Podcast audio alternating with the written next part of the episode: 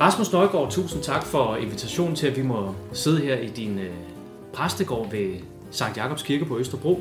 Og det er Tony Ågaard Olesen og jeg selv, Christian Majrup.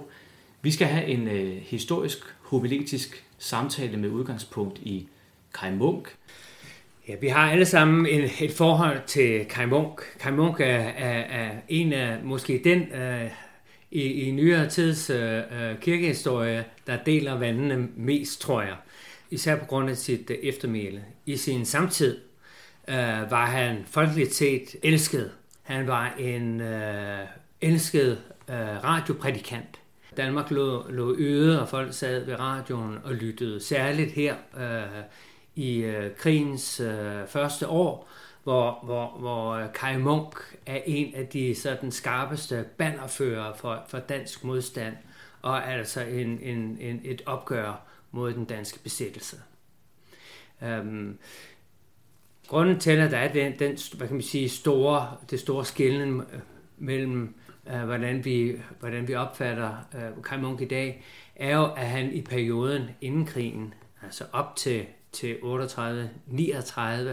var meget fascineret af, af, af virksomhedsfundet i øh, Tyskland, og den stærke leder, ikke kun i Tyskland, men også Italien, øh, Øh, og, og, og er han blevet kritiseret for relativt sent, tager han radikalt afstand øh, fra øh, fascismen øh, og siden nazismen i, øh, i Tyskland. Men når han gør det, gør han det så også virkelig med fynd og klem, og med et større mod end de fleste andre danskere. Meget ofte er han jo i sin eftertid blevet sammenlignet med tyskernes Dietrich Bonhoeffer, øh, netop i sin måde øh, og, og, og meget tydeligt øh, og entydigt at tage afstand hvad kan man sige, fra det, der sker i, øh, i, i, i, øh, i besættelsen og internt i den tyske øh, sådan måde at, at formidle sig på og se sig selv som, som en, en kristen nation. Um, og det er i virkeligheden det, som, som, som, som den prædiken, vi skal, uh, sidenhen skal tale om i dag, også handler om. Det er altså om, om de falske profeter. Uh, og det, det var altså en, energi på, på Kai Munks måde at, at prædike. Kan vi, kan vi lige få hans, øh, hans øh, årstal på plads? Ja, han, ja, han er født i 1898, 1898 og dør ja. i, i 1944. Ja, korrekt. Den, den, den 4. maj. Så han når at blive 45, kan man sige. Ja. Så det er en ung mand, øh, som havde en lang fremtid for sig, men, men det betyder jo også, at i de, øh, han virker i Vedersø, kirke i 20 år, er det ikke rigtigt? Så han kan ikke nå så meget inden da, eller hvordan er hans liv udformet sig? I forhold til, at Cameron kun bliver øh, 45 år, har han jo virkelig øh, nået øh, det uforståelige. Uh, han, han kan ikke sidde stille øh, øh, på mange tidspunkter i sit liv. Øh, inden da har han jo øh, virkelig fået sig et navn, som, øh, som ikke kun som digter, men, men især som dramatiker og har fået adskillige stykker opført ved de største scener i øh, Danmark, og fejrer store succeser med udsolgte saler og genopsætninger ved nogle af hans øh, stærkeste øh, dramatiske stykker, øh, som vi kender måske især øh, ordet, men også stykker som Kant eller og før Kanye, og der, og der er mange flere. En perlerække simpelthen af, af, af, det, af nogle af det 20. århundredes, øh, første halvdel af det 20. århundredes stærkeste dramatiske stykker så man kan sige, at han har her, øh, hvor, han, hvor han udgiver sine, sine prædikner i, i begyndelsen af 40'erne, der er han allerede et veletableret navn øh, på den danske scene som, som dramatiker, men, men altså også som, som radioprædikant. Og han har en, øh, allerede en lang karriere som præst i Vedersø. Vel, han har, øh, jeg går ud fra, at man sådan et sted vil gå på hver søndag nærmest. Øh, der var ikke meget ferier, og det vil sige, at han har prædiket hundredvis af gange, øh, inden han begynder her i 40'erne og, og prædike i radioen. Ja, han, han, han har jo været rigtig, rigtig sovnepræst. Ja. Altså sådan en sovnepræst, der tog på hjemmebesøg, og som kendte sin menighed personligt, øh, og, og altså har, har fulgt dem, øh, fulgt dem i kirke, hvis øh, de var svage, svage til bens, øh, og øh, stået på prædikestolen søndag efter søndag, Øh, i, i, i Vedersø, og altså delt liv og vilkår med sin menighed. Øh, og det virker som om, øh, også igennem hans prædikner, den stil han prædiker med, der kan man virkelig fornemme, at han prædiker til sin, til sin menighed. Han, han kender dem, øh, og, og tillader sig på den måde også at, at henvende, henvende sig til sin menighed meget direkte. Øh, der er også nogle af hans prædikner, som, som, som, som er blevet kendt for netop den der henvendelse, hvor man næsten kan mærke, hvem det er, han taler til, som for eksempel hans konfirmationsprædikner, som også er virkelig dramatiske og skægge, fordi man kan, man, man kan virkelig mærke, at han kender sine konfirmander, kender, kender deres situation, kender deres tvivl, kender deres vildskab, og, og altså virkelig har en fornemmelse for, hvordan man kan gribe øh, et ung menneske. Er, er det som øh, dramaturg, at han, at han kan det, eller er det, er det båret af en form for, hvad skal vi sige, inderlighed, eller, eller hvordan kan han gøre det der? Hans, hans prædikenstil er i den grad uh, båret af, af, af hans evne til dramatisk at kunne uh, fremstille en scene.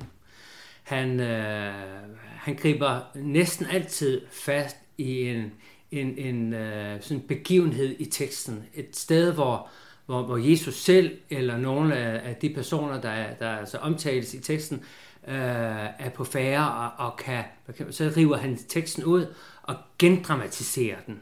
øh, og indsætter os selv i dag, hvad kan man sige, i den scene. Så han altså øh, retekstualiserer teksten øh, i sin egen samtid. Øh, og på den måde fremtræder, hvad kan man sige, på den måde ligner de lidt og, og er i slægtskab med hans, hans, øh, hans øh, dramaer. Hvor mange øh, samlinger udgav øh, Kai Munk så, eller udgav han sine samlinger, udgav han sine prædner, øh, ligesom han udgav sin dramatik? Øh... Nej, det er jo, han, han udgiver først sine, øh, sine øh, samlinger, da, da krigen virkelig øh, er, er kommet i gang. Altså i øh, 41-42 udgiver han to samlinger, Uh, først med altså, uh, den, den, der hedder Ved Babylons floder, som vi uh, skal, den, den prædiken, vi skal arbejde med i dag, stammer fra ved Babylons floder fra 41, og så den anden øh, prædikensamling, der kommer umiddelbart efter, der hedder Med ordet svær, øh, som er fra, fra 42. Øhm, og så øh, udgiver han tre øh, prædikner i en, i, en, i en kort samling øh, sidenhen. De to første samlinger kalder han danske prædikner, øh, og, og det har man spekuleret meget over sidenhen, om han med det altså også angiver det, er det danske over for det tyske eller det nazistiske. Mm. Øh, og der er ingen tvivl om, at det, det løber som en rød tråd igennem alle prædikner, at man fornemmer, at Danmark er besat, og at evangeliet altså kalder til en, en særlig indsats. En frigørelse af Danmark? En frigørelse af, af, af, af det enkelte menneske. Man kan sige, at Kai Munk lever sådan lidt på, på kanten af moderniteten. Han er fuldstændig øh, bevidst om, at det moderne menneske forstår verden ud fra sit eget jeg. Men samtidig er han også næsten før moderne, ved altså at tro på, på, på det store og guddommelige indgriben. Altså på den måde er han virkelig i radikal modsætning til, til sådan en, en, en øh, moderne bultmaniansk måde at, at læse på. Altså den dialektiske teologi har han ikke ret meget til års for, øh, og de har omvendt virkelig heller ikke meget til års for, for Kai Munk. Uh, jeg får lyst til at spørge dig, om det også hænger lidt sammen med de steder, han så er. At han på den ene side hører til i storbyen og i København og skriver uh, skuespil og digte og værker osv., og, og så på den anden mm. side bliver, altså virker som præst et, et helt andet sted. Ja, det er, en, det er en god pointe, som jeg egentlig ikke øh, har, har spekuleret over. Men han er jo uddannet i København og bor på Regensen og er en virkelig sådan uh, persona øh, i, i, i, i regentianerlivet. Øh, I scenesætter det ene, øh, den ene opfører sig efter den anden der, og er så den en, man flokkes omkring. Øh, og så rejser han så over, over på den jyske hede øh, i en utrolig lille by, hvor han altså så virkelig altså kommer til, til inderlighedens landskab, kan man sige. Øh, og der er ingen tvivl om, at han er i slægtskab med, øh, med det missionske. Samtidig er han også øh, igennem hele sit forfatterskab i gang med et opgør med sin egen missionsmand, og det synes jeg, man måske også i skuespillet ordet fornemmer. Altså både med, med, med, med præsten, der i den grad hudflettes for at have sådan en rationalistisk sind, hvor, hvor det hele øh, indoptages sådan, øh, som en, en tankeforestilling. Øh, hvor, hvorimod Johannes, øh, øh, ordets hovedperson, jo altså virkelig er overbevist om Guds indgriben. Øhm, og, og man kan se det som en, en dialektik igennem hans prædikner også, at han insisterer på, at vi må opleve det her uh, personligt hver især, men hele tiden med i en, i en overgivelse til, at miraklet, uh, miraklet sker, og Guds indgriben i historien uh, ikke kan tilsidesættes. Mm. Den tekst, som, eller den prædiken, som du har valgt i dag, den øh, er fra 8. Trinitatis øh, 41, altså i, i krigens øh, første tid. Og det er en øh, prædiken over øh, øh, teksten om de falske øh, profeter. Øh, hvad gør Kai Munk med sådan en prædiken? Skulle vi lige have den, øh, have den læst op? Den er ikke så lang. Jeg kan lige læse den her. Jesus sagde, Tag jer i agt for de falske profeter, der kommer til jer i forklæder, men indeni er glupske ulve. På deres frugter kan I kende dem. Plukker man druer af tørn eller finer af tisler? Sådan bærer et hvert godt træ gode frugter, og det dårlige træ dårlige frugter. Et godt træ kan ikke bære dårlige frugter, og et dårligt træ kan ikke bære gode frugter. Et hvert træ, som ikke bærer god frugt, hugges om og kastes i ilden. I kan altså kende dem på deres frugter. Ikke enhver, som siger herre, herre til mig, skal komme ind i himmeriget, men kun den, der gør min himmelske faders vilje. Højdramatisk tekst. Ikke sandt? Det må man sige. Uh, og den griber uh, Kai Munk fra begyndelsen af uh, på klassisk vis ved at, at, at, at, at spørge uh, os alle sammen om, hvad er de for nogen, de falske profeter?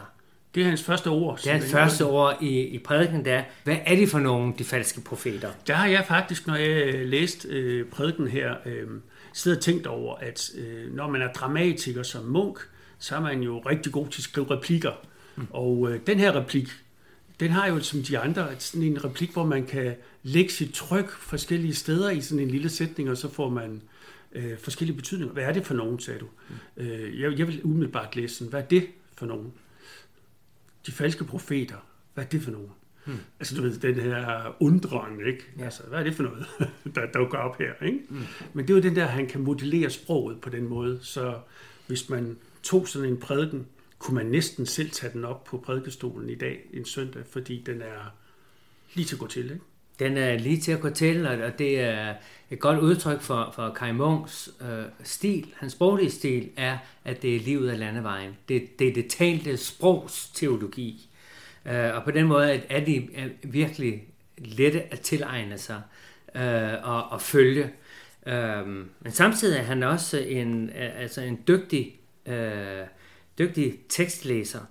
Øh, for, for det første han jo slået ned på, det er det, som vi formentlig alle sammen sådan øh, undrer os over. Det er det her med de falske profeter. Altså det er et paradoxalt udtryk i teksten. Og, og det fanger Kai Munk lige med det samme og spørger, er det ikke, er det ikke absurd? Altså, en, er en profet ikke lige præcis den, der forkynder Gud? Og hvordan kan en profet være falsk? Så er det jo ikke en profet.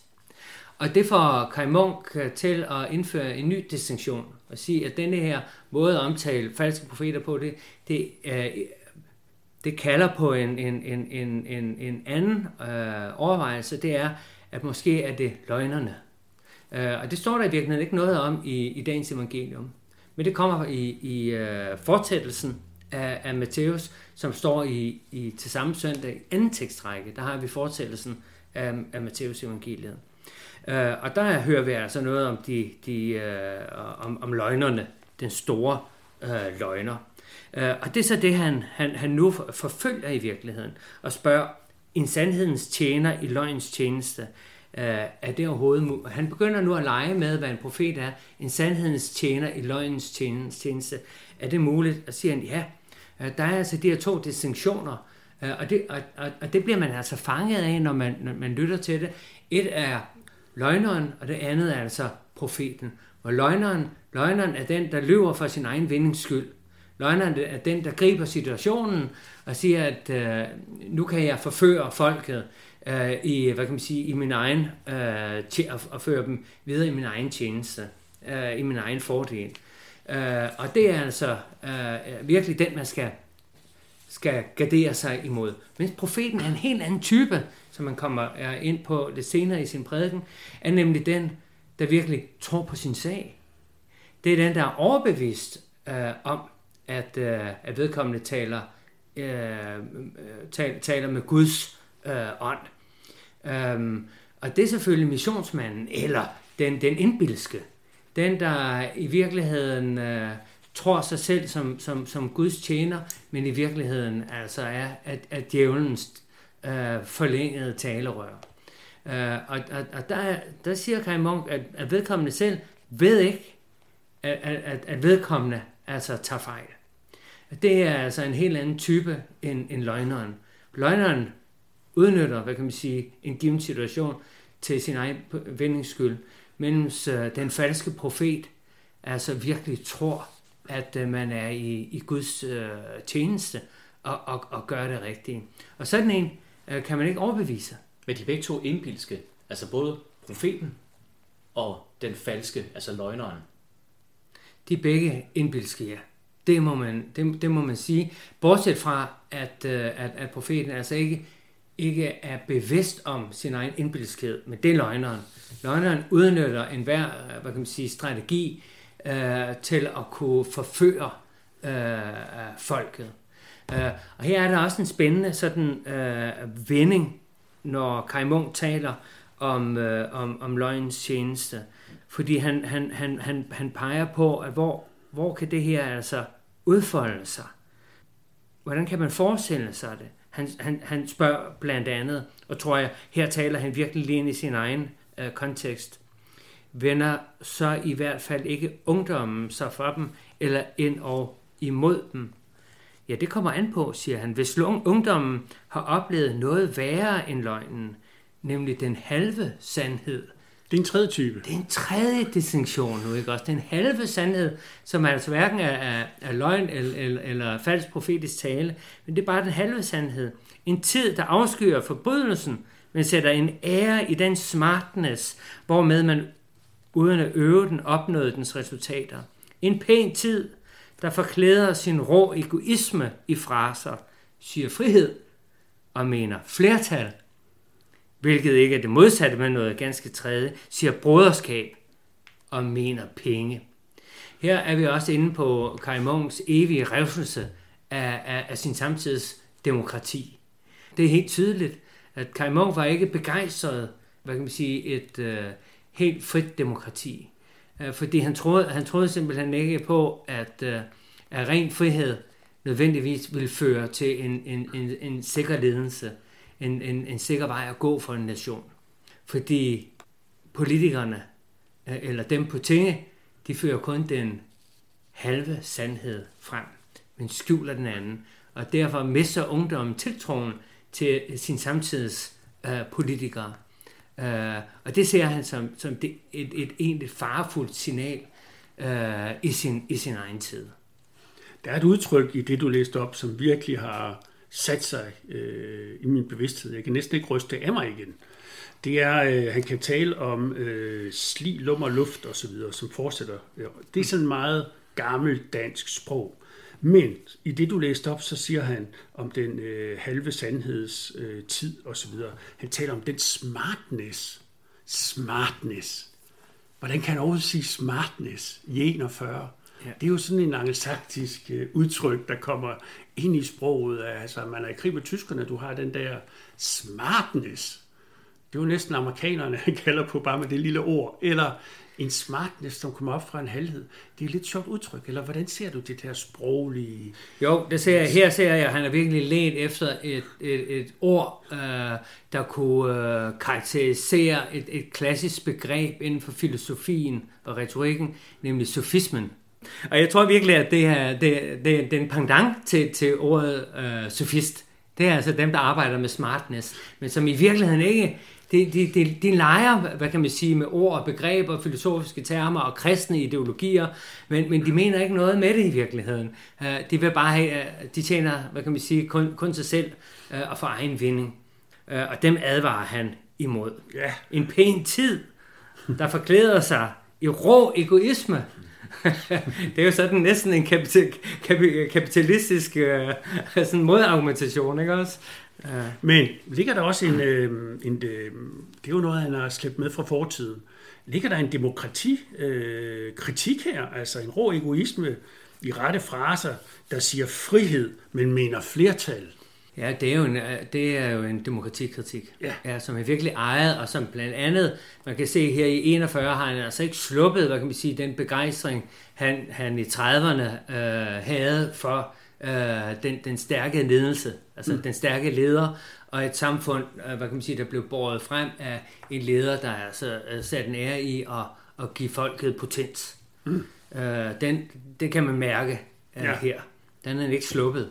Nej, han er ikke fan af flertals øh, beslutninger på den måde. Nej, han er øh, næsten som Kirkegaard her, jo. Ja. Altså virkelig en, en afmodstander af, af, af, af, af, af, af flertalsvældet. Kan man sige, at i den første del af prædiken, der, øh, der, der forsøger han at undersøge, hvem er de falske profeter? Er de løgnere, eller dem med den halve sandhed? Mens den anden del, der begynder han så at finde ud af, jamen, hvordan skal vi så vogte os for den? Det kunne være, vi lige skulle have på plads, hvordan prædikenen egentlig er, er inddelt, og, Mm. og hvor, hvor, hvor lang den er. Altså, kunne han have holdt den her, Rasmus, eller er det, er det, er det sådan en meget redigeret prædiken? Ja, ja, den, dengang jeg gik på pastoralseminaret, der lærte jeg, at en prædiken ikke måtte være over 8 minutter. Øh, Og det vil den her passe egentlig øh, passe meget godt til. Jeg tror, den vil være sådan en 8-9 minutter at, at, at holde. Det har, den, øh, det har den nok ikke været længere tid. Den er overraskende kort. Hører måske også til øh, Kai Munks kortere, kortere prædikner, men generelt set er Kai Munks prædikner korte. Og altså øh, meget fyndige. Øh, og, og, og på den måde er de også øh, næsten moderne i, i måden, hvor han griber et tema i teksten og holder sig til det, og lader sig resten fare. Øh, det kan han vende tilbage til et andet år. Er det, mm. at, tror du, det er et trygt manuskript, det her, mere eller mindre? Ja, det tror jeg. Ja. Det tror jeg, det er. Er der, er der nogen form for inddeling i den? Kan du føle sådan en... en øh, er den inddelt på nogle måder? Ja, den er, den er, den er inddelt i, øh, i, kan man sige, i fire afsnit. Den første indledende, hvor han stiller et retorisk spørgsmål om, hvem de falske profeter er, så, øh, så, så, så siger han, at der er i hvert fald to distinktioner, måske endda tre. Første, det er, de, det er, de, det, det er løgnerne. Øh, Dem gør han sig så færdig med og siger, at løgnerne, de er slemme, øh, men, men, men, men, men dem kan vi godt afsløre. De afslører øh, også sig selv. Øh, Og så er der den tredje, det er de falske profeter. Øh, de falske profeter, som altså er dem, der er overbevist om deres eget kald, og som man ikke kan overbevise. Øh, og hvor han så går tilbage i teksten og siger, men hvordan kan vi så afsløre dem, hvis vi ikke kan, hvad kan man sige, øh, gennemskue deres øh, øh retorik, og hvis de selv tror på det, de, det, de siger, øh, og altså er på, på, på evangeliets, øh, de selv mener, de er på evangeliets side og overbevist om det, så, så tager han, går han tilbage i teksten, og det bliver så fjerde afsnit, øh, hvor, hvor han også lander, øh, der siger han, jamen det, kan vi, øh, det må vi nødvendigvis anskue på, på, på de frugter, som, som træet bærer. Øh, altså, hvis øh, den falske profet er den, der, der, der, der, der løfter pegefingeren og råber øh, dom og, og død og helvede, men som aldrig nogensinde bærer kærlighedens gerninger frem. Og måske er der et meget, meget øh, stærkt personligt træk øh, i, i denne her øh, prædiken. Fordi når han samtidig her altså peger på, at, at, at både de øh, løgnerne, men, men i særdeleshed de falske profeter må afsløres på ikke at bære god frugt, men altså dårlig frugt, og dermed skal afvises og bekæmpes. Der er ikke noget forsonligt i, i, i Kai Munks måde at tale om, om løgnen og, og, og det falske profeter på, øh, i overensstemmelse med, med, med evangelieteksten.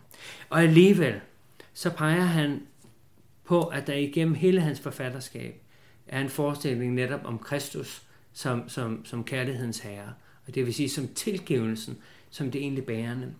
Øh, og jeg, jeg kunne få lyst til uh, lige at læse de sidste uh, par linjer af Kai Munks uh, prædiken. Mm. Men når du nu siger, at der ikke er forskel at høre på disse profeter, og så på de andre, spørger han så uh, retorisk. Og så går han pludselig over og tager scenen og sætter Jesus i scene igen. Træt vender frelseren sig fra os.